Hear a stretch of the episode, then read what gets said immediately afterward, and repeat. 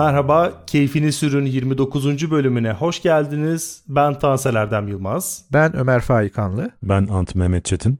Herhalde en az 10 bölümde bazen bir tespitin bağlantı noktası, bazen de bir tartışmanın öznesi olarak andığımız o meşhur, o e, sevilen, bizim e, hem tartışarak bazen severek karşıladığımız SUV'lere, halk arasındaki deyimlerle SUV'lara sıra geldi.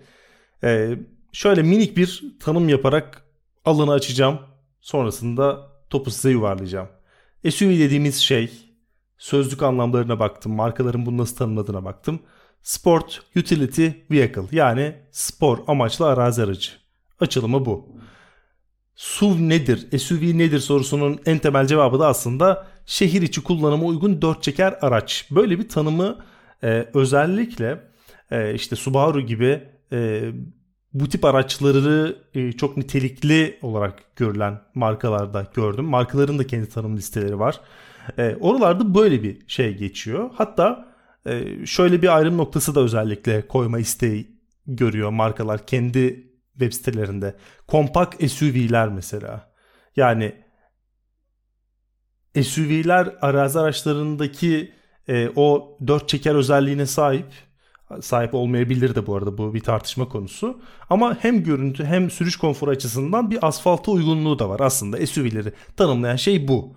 Araziye de çıksan belki çıkarsın. Hani belki biraz şey bir belki büyük e, puntolarla yazılmış belki ama e, önemli olan asfaltta güzel gidiyor olması, şehire uygun otomobil olması, otomobiller olması. E, her SUV dört çeker e, olmayabilir. Neden bu kadar önemli? E, söyleyeceğim aslında benim e, ikinci şey bu. Şimdi en çok satan otomobillere şöyle bir baktım. Her markaya vesaire bakmıştık ama şu an dünyada en çok satan otomobil Tesla Model Y. Kendini bu araç mid size SUV olarak tanımlıyor. Yani yalandan bir kavram aslında yani bu mid size SUV orta boyutlu SUV yani hatchback sanırım ya yani anlatılan şey e, yerden yüksekliğinden herhalde bunu söylüyor. Ama burada önemli olan şu. Bu kavramın albenisi o kadar böyle çekici ki arazi yeteneği olmayan işte 19 inç incecik yanaklı lastiklerle alabildiğiniz Tesla araç bile yani bir taşlı yola girseniz bile umarım lastiğin patlamaz diyeceğiniz bir araç aslında dışarıdan bazı e, şeylerinde e, versiyonlarında kendini bu klasöre dahil etmek istiyor. Şimdi bu klasörde neler vardı? Jeep'ler vardı, işte Renault Scenic, Ford Focus C-Max gibi MPV'ler vardı. Hatta Türkiye standartında hafif ticariler vardı. E, andın özellikle test ettikten sonra benim ya acaba alsam mı dediğim işte e, Ford Tourneo Courier gibi aslında e, yol tutuş yetenekleri SUV'lerden iyi olan, konforu bazı noktalarda SUV'lerden iyi olan ama çok da karizmatik olmayan araçlar vardı. Bunların hepsinin arasından SUV'ler sıyrıldı ve artık e, elektrikli araç geldiğinde SUV geliyor. Yeni bir otomobil markası çıktığında SUV çıkarıyor. En iddialı modeller SUV oluyor. SUV, SUV, SUV. Şimdi burada Ant sana şöyle bir sorun var. Son 20 yılın otomobil alışkanlıklarını hepimizden iyi biliyorsun. Hepsini test ettin, hepsini deneyimledin ve bu alışkanlık evrimini bence e, en keskin biçimiyle sen zaten e, hissettin gibi geliyor bana ve onu da en iyi sen tariflersin gibi geliyor. E, önce Ömer izninle topu e, bu soruyla anda bir atmak isterim. Yani e, şimdi ilk SUV kimdir, kim çıkardı bu bu göreceli hani kimisi diyor ki Toyota RAV4, kimisi diyor ki işte BMW X5 vesaire. E, birileri tarihte, e, tarih boyunca yaklaşık herhalde bundan bir yaklaşık 20 sene önce falan e, şunu fark etti. Şimdi yerden yüksek sürüş pozisyonu, yerden yüksek e, otomobil kullanmanın insanlara verdiği bir tatmin duygusu var. Ama bu otomobiller ucuz arabalar değil. Bu otomobiller genellikle Jeep deniyordu o zamanlar. Ee, Jeep markasından yola çıkarak aslında biz Jeep diyoruz. Bizden başka kimseye bu arabaları Jeep demiyordu. Arazi aracı, offroad vehicle falan. O arazi aracı deniyordu. Ee, şunu fark ettiler ki tamam biz bu insanlara bu tatmin duygusunu verelim ama e, arazi yeteneğinden yoksun bir şekilde ve daha ucuza mal ederek verelim. Bakalım ne oluyor. E, çünkü bizim için daha faydalı. Sonuçta bu otomobillerin işte kilitli diferansiyelinden bilmem kaç tane farklı diferansiyelinden falan tut da efendime söyleyeyim işte arazi vitesine kadar Ondan sonra bir sürü ekstra donanımı var e, ve bu arabalar çok aşırı sağlam arabalar ama bu insanlar eğer genellikle bu otomobilleri caddelerde kullanacaklarsa ve araziye pek çıkmayacaklarsa bütün bunlara gerek yok.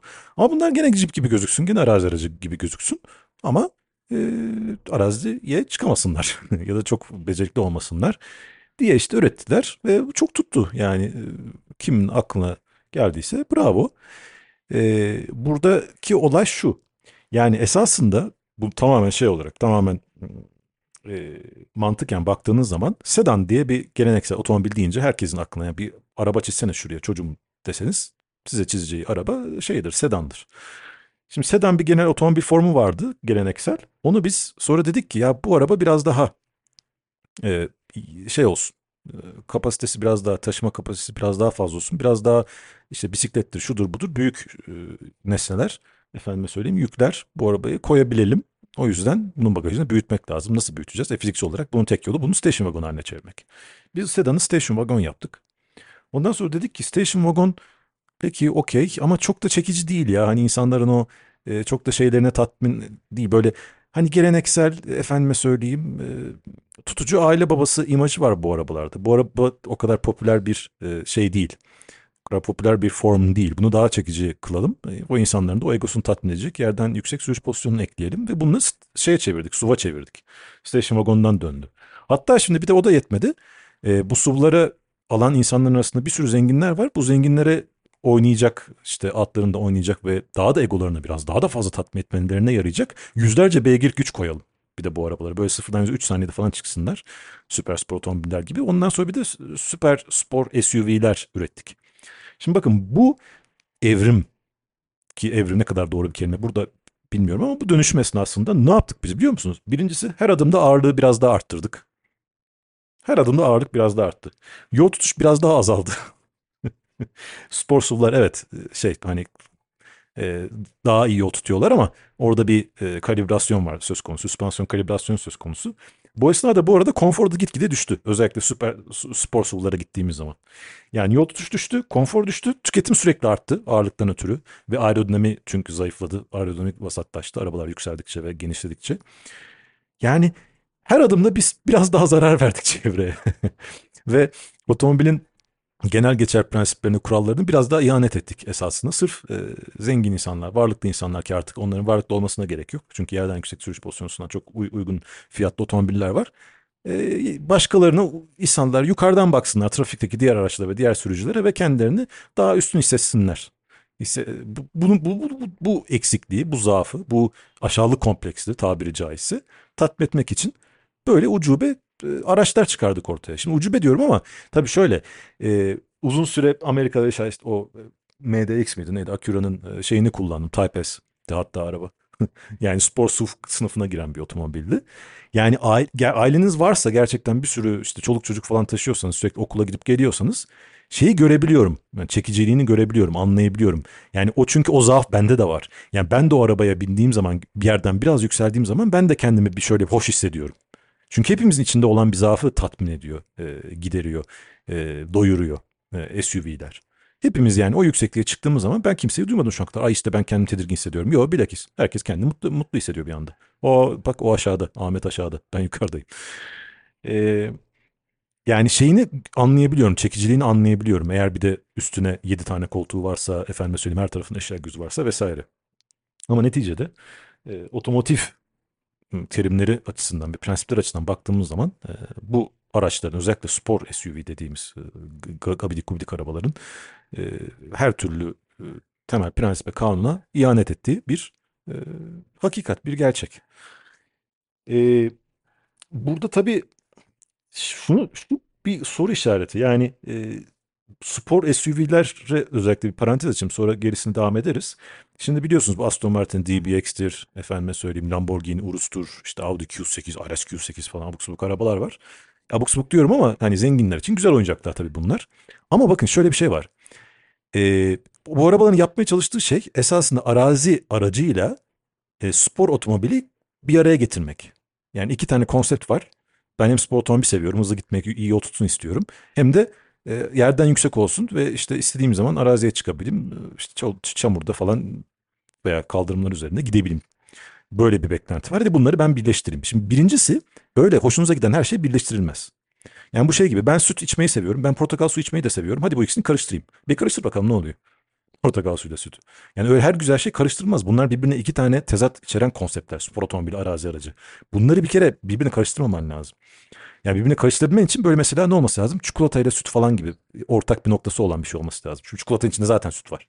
Anlatabiliyor muyum?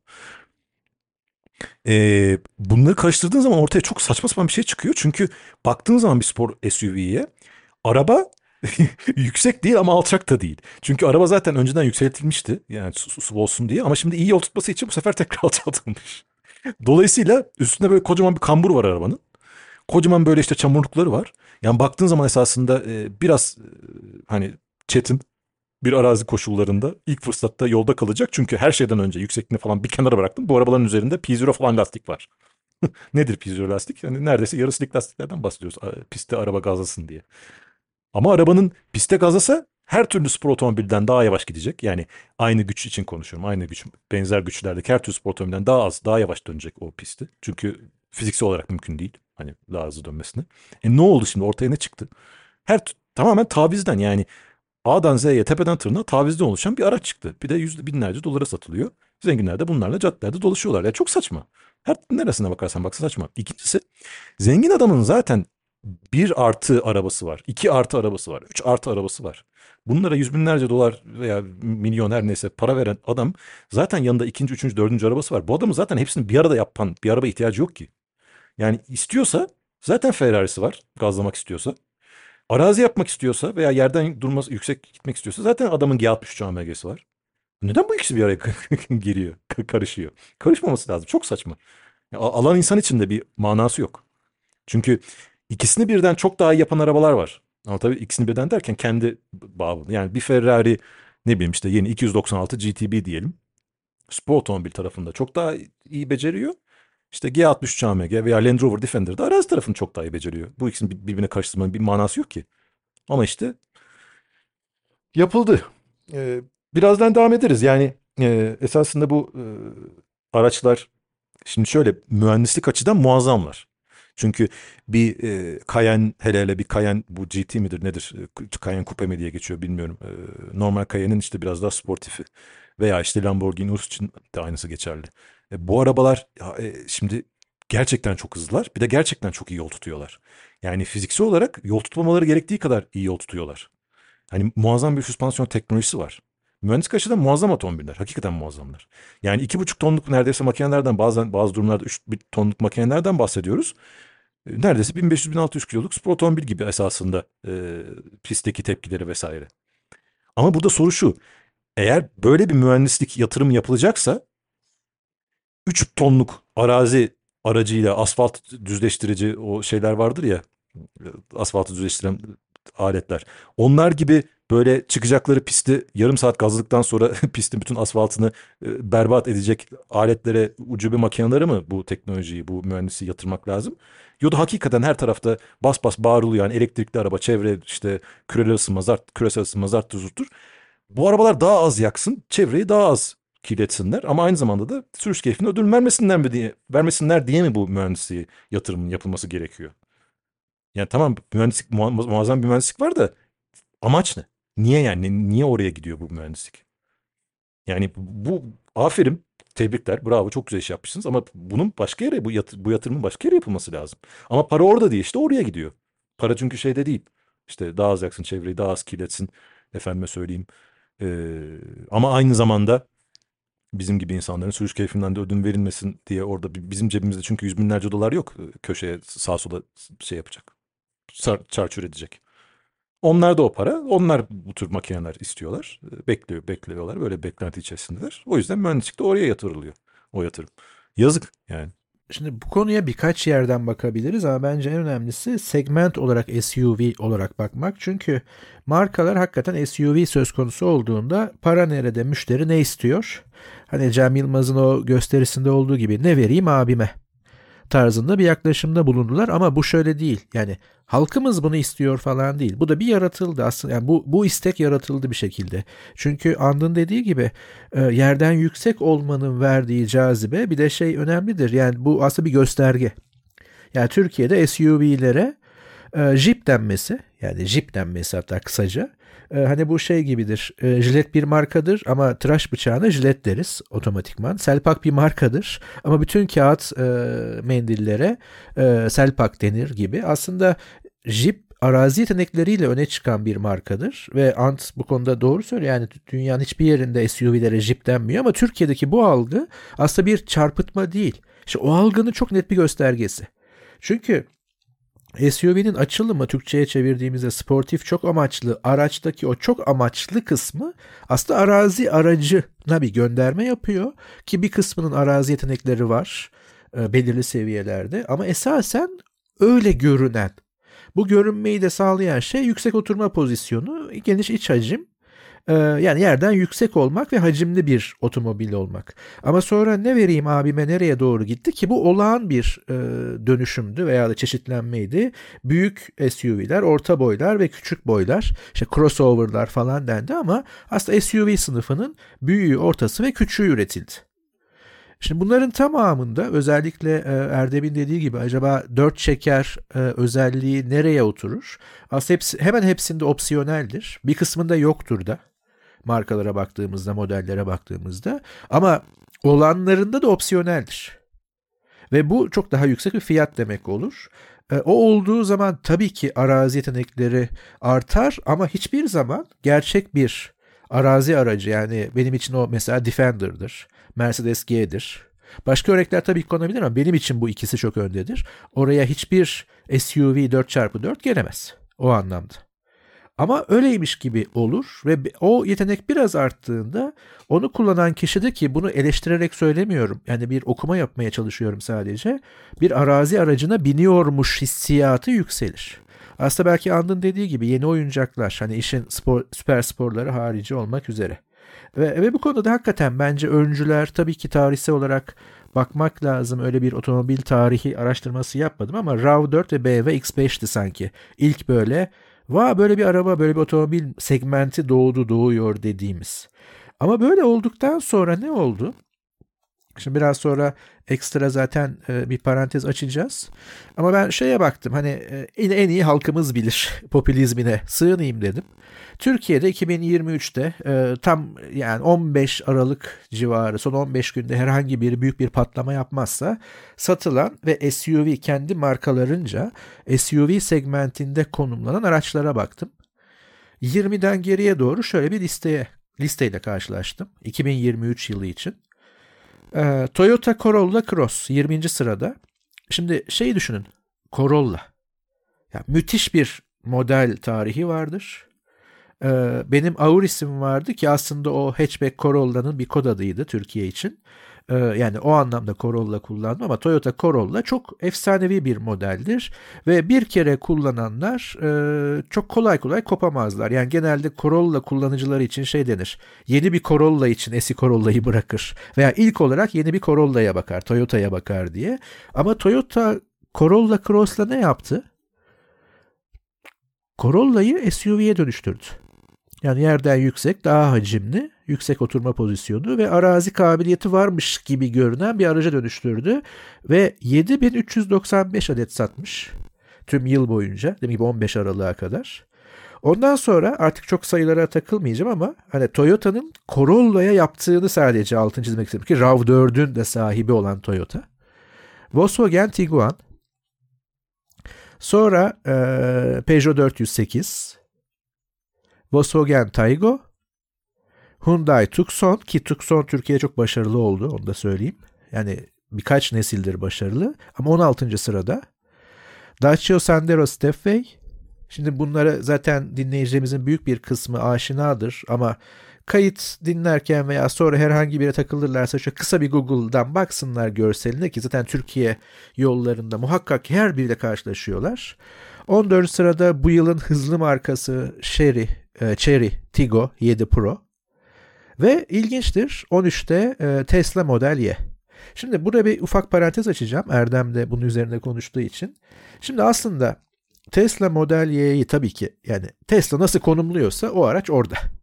Ve tabii ki yerden yüksekliği vesaire bütün bu standartlara uyuyor. Ama ben sanmıyorum ki e, herhangi birine tüm bu segmentlerden bağımsız Model Y'yi göstersek bir de yanına böyle e, daha yüksek yerden daha hacimli bir SUV koysak sence bu Model Y nedir desek ya kendi has bir tasarım der. Hatta böyle başka yani hatchback'e, sedandan biraz şeye falan doğru gider ama yani SUV demez aslında normalde. Ama işte o yerden biraz yüksekliği gördüğün anda bu şey diyoruz artık SUV. Ki Tesla'da işte bu benim SUV hani bu segmentteki orta boy SUV'm diyor. Şimdi geliyorum yine Chery Omoda 5 ki Chery'nin hani Çin ve oradan gelen işte vesaire katkıları tabii ki var. Bir de o görünüş. Daha önce bunu konuştuk. Yani Çinliler şeyi çok iyi yapıyor. Bunu yine olumsuz anlamda kullanmıyorum. Ama e, görünüşe ve imaja oynamayı çok iyi yapıyorlar. Cherry de bunu çok başarılı olarak pazarlıyor. Onda yani Sezar'ın hakkı Sezar'a. Sonra Opel Crossland geliyor. Sonra yine Cherry Tiggo 8 Pro. Dikkat edin ne kadar Cherry. Ve sonra e, TOG geliyor. Ama tabii ki burada yerli milli otomobil ve bunu e, şu an ön siparişler teslim ediliyor halen. Yakın bir zamanda satışa çıkacak yani yeni sipariş almaya başlayacak. O yüzden buradaki 13.572 adet satış e, buradaki ilgi doğrudan kıyaslamalı bir ilgi değil. Zaten ön siparişler olduğu için ama TOG da burada ki görünüşü tam bir SUV. Opel Mokka, Volkswagen T-Roc, e, Nissan Qashqai uzun yıllardır bunda aslında RAV4 ile beraber ayrıca konuşulabilir. Çünkü Qashqai bu konuda çok yani Nissan büyük bir atak yaparak o se- şeye segmente girdi ve hatta pek çok e, model Kaşkai ile şeye girdi. Rekabete girerek bu işi yapmaya çalıştı. Yine bir Hyundai Bayon, e, Peugeot 2008, Peugeot 3008. Şimdi zaten Peugeot bütün ekmeği Peugeot 2008 ve 3008'den özellikle 3008'den kazanıp e, diğerlerini yapabildiği için aslında prototip marka diğer tüm Avrupa markaları için neredeyse üst segmentlerden bahsetmiyorum. Çünkü Peugeot 3008'in ve 2008'in ilk versiyonlarını hatırlayın. Yani şişman bir 208 ve 308'di. Ama sonra öyle bir tasarım e, elindeydi ki Peugeot 3008 böyle sektörde kural koyan hale geldi bir tasarım olarak. Ama 2 ve 1 çok ilginç. Yani yine aslında e, maliyet yani fayda maliyet ve nihai olarak görünüşün bir birleşmesi oluyor. Çünkü Dacia Duster 2 numarada. Ki bu liste içerisinde yani tabii ki içinde model ve donanım farklarını gözetmek lazım ama aslında en bu arazi aracı yeteneklerini ortaya koyabilecek belirli donanımdaki Duster. Buraya kadar geldiğimizde ve bir tabii ki Fiat Egea Cross. Yani Fiat uzun süre geride kalmıştı yıl içinde ama e, halkımız yani takdirini Dacia Duster ve Fiat Egea Cross'tan yana kullanmış toplama baktığımızda. Şimdi bunları söylememin sebebi hani hem bir şöyle durum tespiti yapmak. Bir de Ant güzel bir YouTube yayını yapmıştı. Şimdi onun bir özetini buraya taşıyacak. E, ulaşılabilir SUV'ler veya tercih edilebilirler arasında. Ama ben arada bir ezber bozacağım. İkinize bir sorun var. Ee, hiçbiri diye bir şey yok. Cevap yok. Hani eksik kalsın veya o parayı başka alırım diye bir tercih yok. Paramız var. Kafayı da kırdık. Hangisini tercih edersiniz? Lamborghini Urus mu? Porsche Cayenne mi? Audi RS Q8 mi? RS Q8 mi? Urus mu? Yoksa Cayenne mi? Ee, tabii böyle içimden bağıra bağıra hiçbir demek geliyor. Ama e, benim hanım Urus'u çok seviyor. Urus'u çok seviyor. O yüzden sırf hanım için herhalde e, Urus alırdım diye tahmin ediyorum. Yani çünkü şimdi böyle bu segment bir araba alacaksanız zaten saçma sapan bir iş yapıyorsunuz. Yani hız, hızlı SUV alıyorsunuz temelde. E, her ne kadar bunların içinde en iyi otomobil hani geleneksel mühendislik efendim söyleyeyim objektif kriterler açısından en iyi otomobil Cayenne olsa da e, madem saçma sapan bir şey yapıyoruz bari en saçmasını yapalım deyip tabii ki ben şahsen Urus alırdım. Benim tercihim biraz daha klasik kalıyor bunların yanında Cayenne. Kesinlikle Porsche Cayenne derdim. Çünkü diğerlerinde bir şey var. RS Q8'i de tam böyle e, zihnimde oturtamadığım için açmıştım.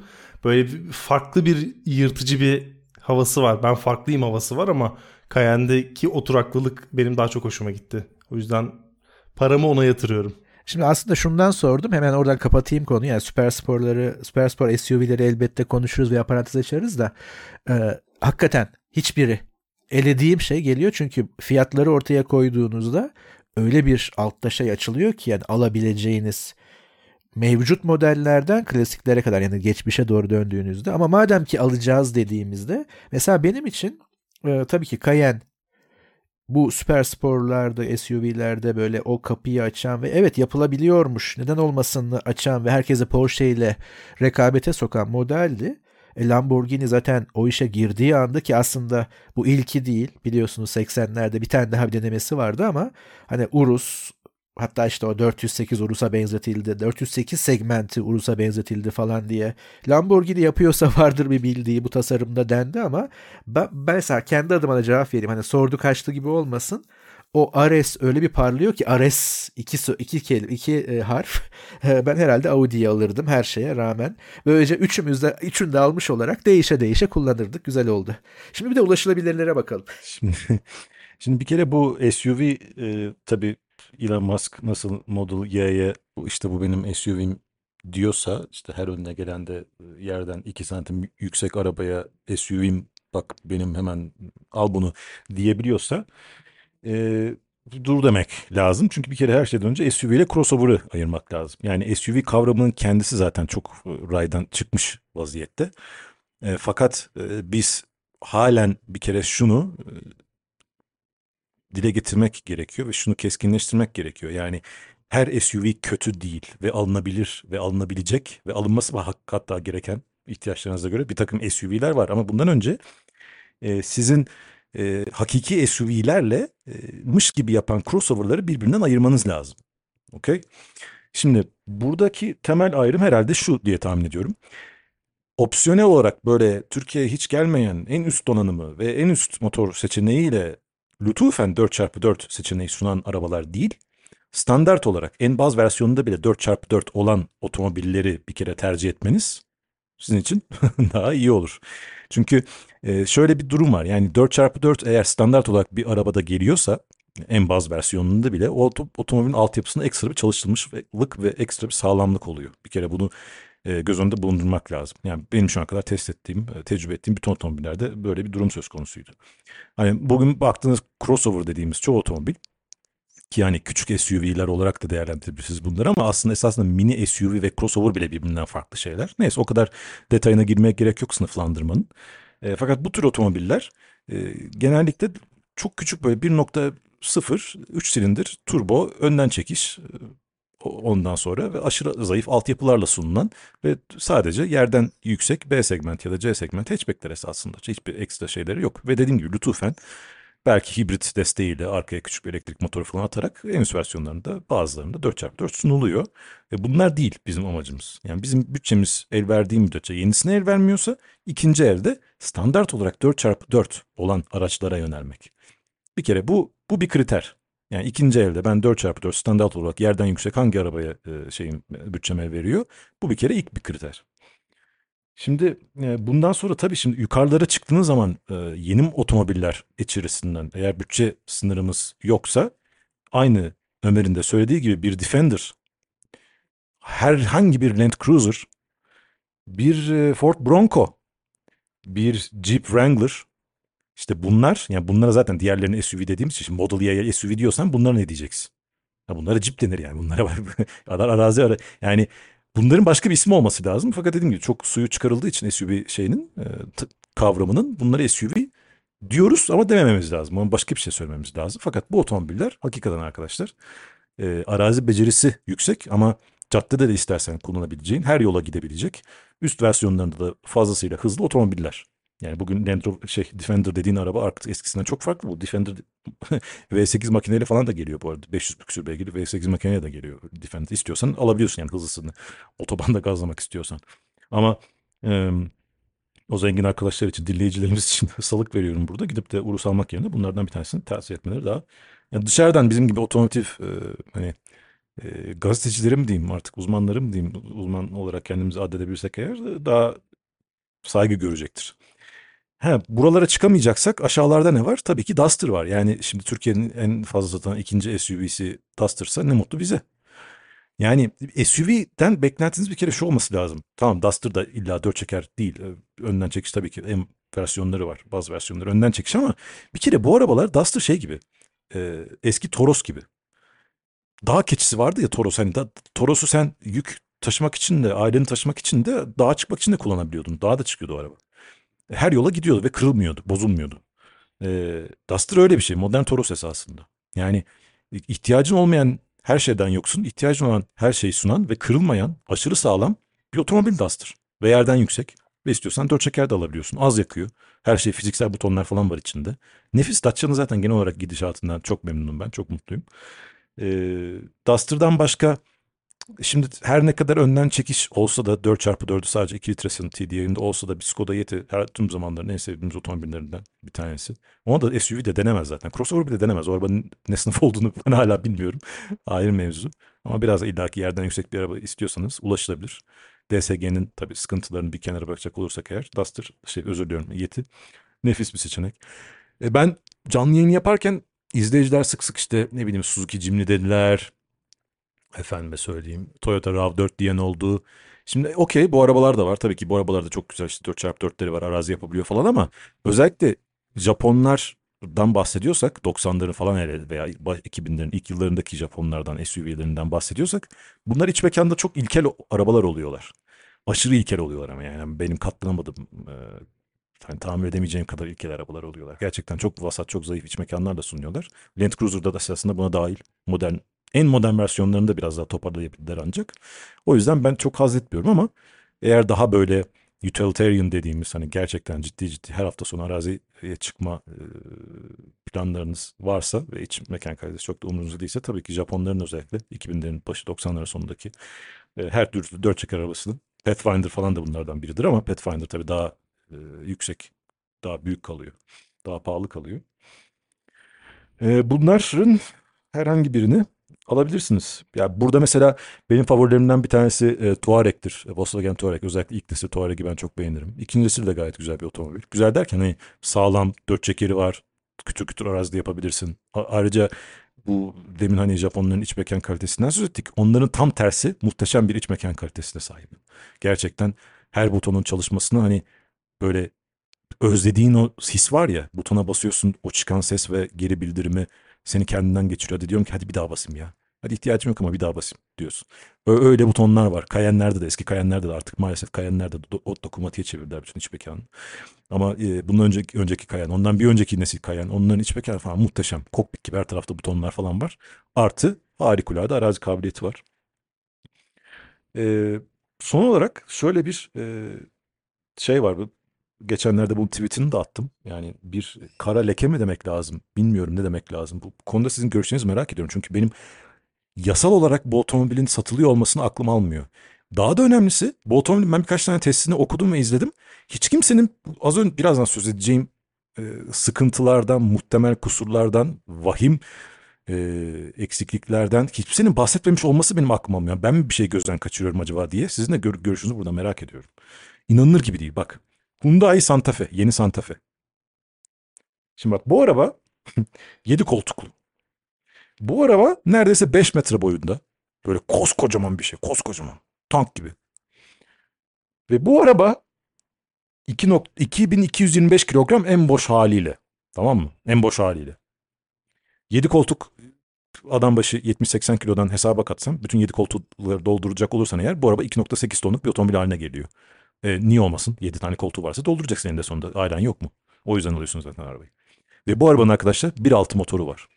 1.6 litre turbo tabii ki ve hibrit desteği var ama 210 beygir mi ne? Hani öyle çok ağım şahım bir şeyden bahsetmiyoruz. Atıyorum o Volvo'ların e, bir ara 2, 2 litre e, efendime söyleyeyim motorlarla çok aş- çok ciddi hibrit elektrik motorlarını destekleyip 400 küsür beygirlik Volvo'lar çıkardılar. Onlardan birinden bahsetmiyoruz yani. Anlatabiliyor muyum? 1.6 işte 210 beygir falan araba.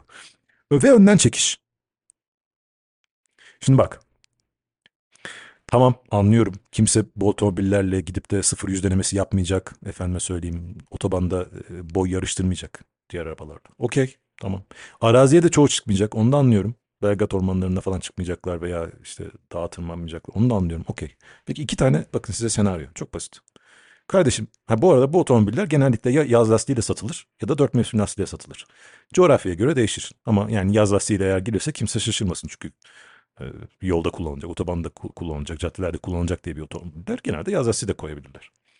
Hani şeyden bahsetmiyoruz değil mi? Yani off-road lastiğiyle falan gelmiyor bu arabalar. Veya dört mevsim lastiğiyle belki geliyor belki gelmiyor. Kış lastiğiyle ke- kesinlikle gelmiyorlardır. Kış lastiğinin belli çünkü gereksinimleri var. Şimdi yağmur yağdı. Hani kar, yarı karışık, karla karışık yağmur yağdı ve sen yokuş çıkacaksın ya. Bu arabayla bebek yokuşunu çıkacaksın. Hava yağışlı. O arabada dolu. Bagaj artı hadi 7 koltuk olması 7 kişi olması da arabada 5 kişi var diyelim.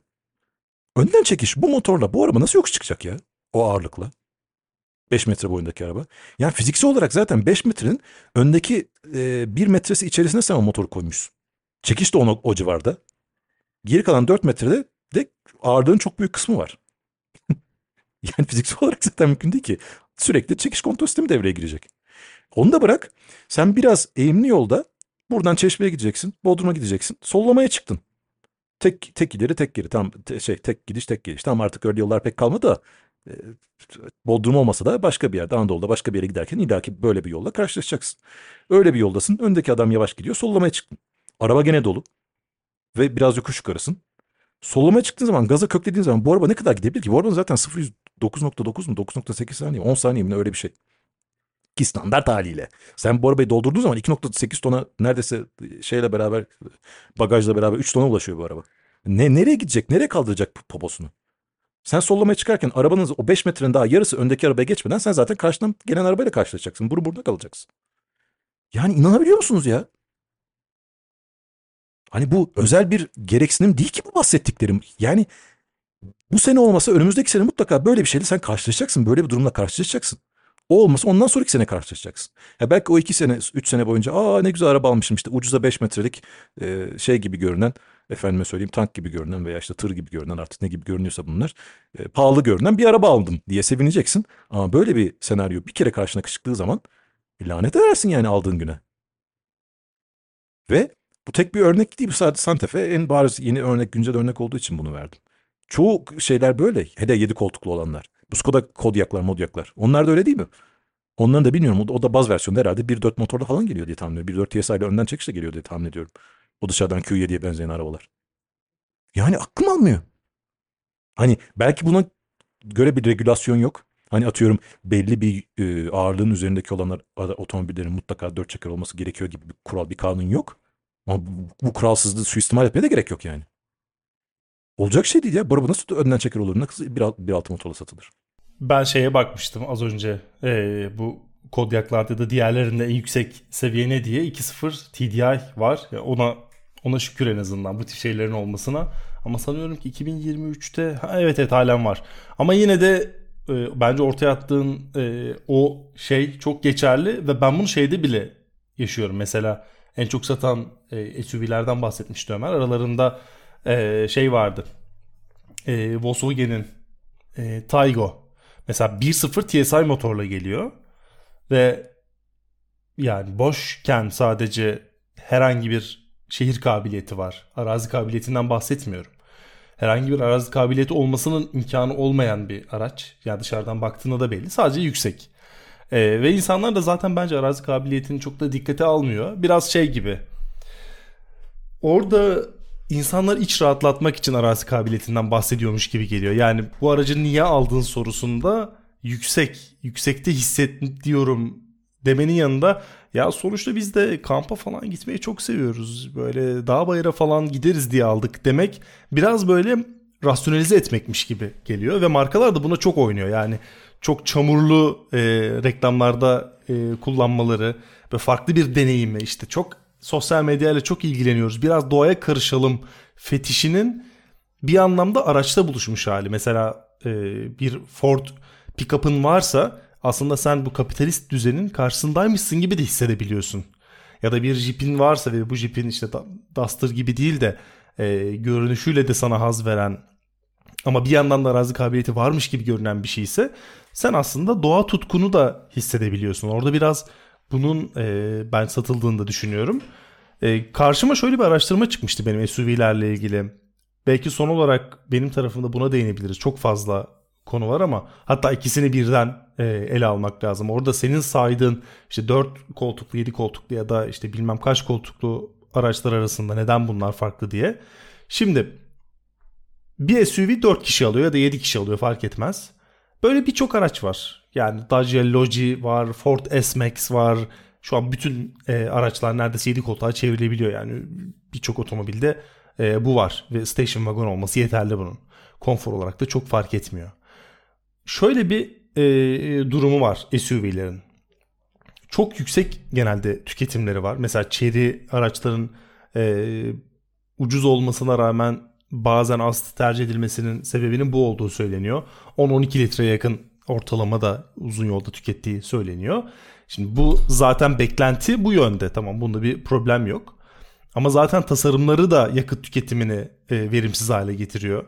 Yani işte çok yüksekler, rüzgar direnci artıyor, daha ağır, işte süspansiyonlar ağırlaşıyor. 4x4 ise bütün aktarma organları ağırlaşıyor vesaire vesaire.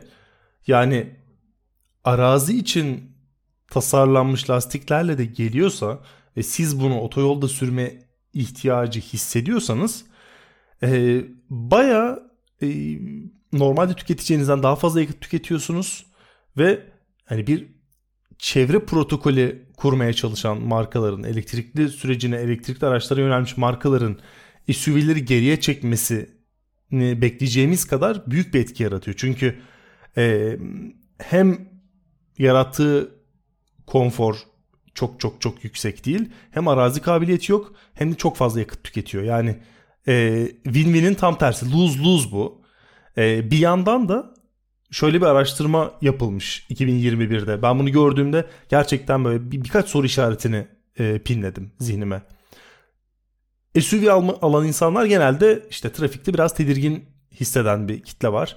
Daha güvenli istediğim diye alan var. İşte uzun yol yapıyorum daha güvenli olsun herhangi bir şey olduğuna diyen var vesaire vesaire. Çok işte tümsekli yerlerde oturanlar için araçların altı değmesin diye kullananlar var. Ama e, sürücü için daha güvenli olduğu kesin. Yani araç içindeki yaşamını yitirme oranı diğer otomobillerin neredeyse yarısı kadar bir herhangi bir e, dört kapılı otomobilin yanında böyle bir araştırma var. Ama bu araştırmanın yanında e, bir kazaya karıştığında yayalara, bisikletlere ya da diğer binek araçlara verdikleri zarar da neredeyse 8 kat daha fazla ölçülmüş. Yani bu genel genele vurduğun zaman. Şimdi burada şöyle bir şey var. Burada aslında bilinmeyeni söylemiyorum ama insanlar daha güvenli hissettikleri araçların içindeyken biraz daha hoyrat araç kullanma riski de yaratıyor. Araştırmanın aslında varmaya çalıştığı şey bu. Zaten ben SUV kullanıyorum yani ne olabilir ki diyerek işte fren mesafesini ona göre ayarlıyor. Ya da daha riskli yerlerde kendine daha fazla güveniyor ve daha büyük riskler yaratan bir aracın içinde olduğu için normal bir otomobille karışacağı kazadan çok daha büyük zararlar yaratıyor. Ve e, bu sürücü davranışlarının e, SUV kullananlarda böylesine hoyratlaşması işte yayaların ve bisikletlilerin diğer e, A sınıfı ya da B sınıfı otomobillerin ciddi anlamda canını da tehlikeye atıyor. Böyle bir psikolojik etkisi de var. E, tüm bu ikisini bir araya getirdiğim zaman ben hiç SUV hastası olmadım. Hiç SUV meraklısı olmadım. E, yüksek araçlar e, çok güzel ama tam gerçek arazi kabiliyeti olan bir araca ihtiyacım olursa herhalde kullanırım dedim. E, onun dışında işte viraj kabiliyeti iyi olan ve şehir şartlarına uygun bir otomobil tercih ettim. E, belki de bundan dolayı tam olarak anlayamıyorum gibi geliyor SUV'nin e, yarattığı bu cazibeyi. Ya cazibe konusunda tabii ki tercihleri yargılamak çok doğru olmayabilir. İsteyen istediğini alır ama e, otomobil markaları içerisinde ve bu pazardaki biçimlendirme içerisinde benim segment olarak SUV'nin bu kadar baskınlaşmasıyla ilgili bir kaygım var. Çünkü deminki örneği ve üzerinde dururken bunu düşünmüştüm. Yani Corolla'yı SUV'leştirmek yerine orada RAV4 var. Farklı üretimler yapılabilir. Yani Toyota özelinde konuşuyorum. Ama gitgide işte ne vereyim abime mevzusunda SUV olsun. Yani sadece SUV olsun. Küçük olsun, orta boy olsun, büyük boy olsun ama SUV olsun. Sedanı, hatchback'i, İşte geçen e, hatchler neyse ki hala çeşit olarak karşımızda dedik. Hani çeşitlilik barındırıyor dedik. Çünkü artık çeşitlilik yok. Yani Corolla'nın SUV'leştiği bir dünya veya işte elektrikli kısma geçerken Mustang'i hatırlayalım. Yani hani firmalar yapsın. Yani tamam SUV'nin de bir karşılığı var. Yani illaki tamam arazi yetenekleri tartışılabilir. Olmalı mı? Ben anda katılıyorum. SUV alıyorum diyorsak hani orada tabii ki ince bir çizgi var. Nerede tam olarak Jeep başlıyor? Yani bir marka ve o arazi yetenekleri yani o Defender'lar falan nerede başlıyor? Land Rover'da. Tabii ki esas orası ama hani bir SUV'nin en azından motor gücünün anlamlı olması, yani o hacimle ve kaldırmayı veya taşımayı vaat ettiği ağırlıkla bir oranının olması ve yani e, anlaşılabilir bir oranının olması ve tabii ki 4x4 olması bunlar çok önemli faktörler. Ama onun dışında ben tüm segmentlerin SUV'leşmesiyle ilgili bir kaygı taşıyorum. E, onun ötesinde elektrikli SUV bana tuhaf geliyor. Yani tabii ki artık temel enerji biçimi değişiyor. Hani otomobillerin kullanacağı. Biz bunun her ne kadar muhalifi veya eleştirmeni olsak da hani gidişat bu yönde. Ama bunun başlangıcına baktığımızda elektrikli otomobilleri e, bize tanıtan veya bakın bu olmalı bu geliyor dedirten şey neydi? Yani piyasa içerisinde veya bu pazarda işte doğaya verdiğimiz zarar. Daha önce bunu konuştuk. Pillerin üretimi şu bu oraya girmeyeceğim ama daha büyük bir araç, daha çok enerji harcayan bir araç, daha çok şarj olması gereken bir araç. Şimdi mevcut teknoloji içerisinde. O yüzden elektrikliler içerisinde aman SUV olsun yani ne vereyim abimemin orada çalışıyor olması e zaten durumun ne kadar vahim olduğunu gösteriyor. Yani e, orada da çünkü ağırlık oraya doğru gidiyor. İşte mo, e, Tesla Model Y'nin bile hani burada değerlendirilmesi gibi.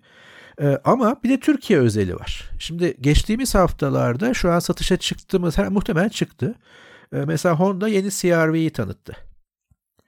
Ve bu 2000 motor e, hibrit motor.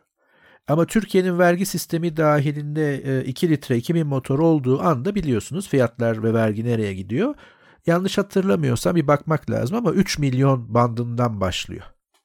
Şimdi 2000 motor belki de hakikaten SUV'ler için ideal ortalama bir motor. Hani üstü de olabilir elbette ama hani hibritle falan destekleniyor zaten. Ama bu olduğu zaman Türkiye'de ne oluyor? İşte fiyatlar 3 milyon, 3,5 milyon, 4 milyona gidiyor. İşte yüzde bilmem kaç, yüzde yüz bilmem kaç vergiden dolayı.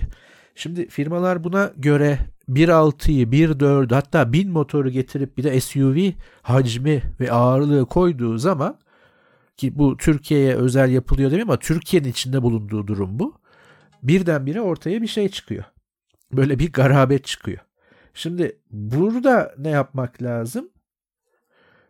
Türkiye özelinde tekrar düşünmek lazım. Türkiye özelinde e, o yüzden ben de tüm o liste içerisinde gerçek SUV biraz tuhaf olacak ama Duster tarzı bir şey. Yani araziye de rahatlıkla vurabileceğim bir şey olması lazım. E, bu durumda bu iş daha çok karışacak ve e, Corolla örneğinde olduğu gibi bizim çok iyi bildiğimiz sedanıyla, e, hatchback'iyle ünlü modellerin bir anda işte crossover'dan başlayıp SUV'ye doğru gidecek. Sonra bir bakacağız bütün otomobiller SUV. Ömer çok güzel bir konuya değindi. Elektrikli SUV konusuna değindi.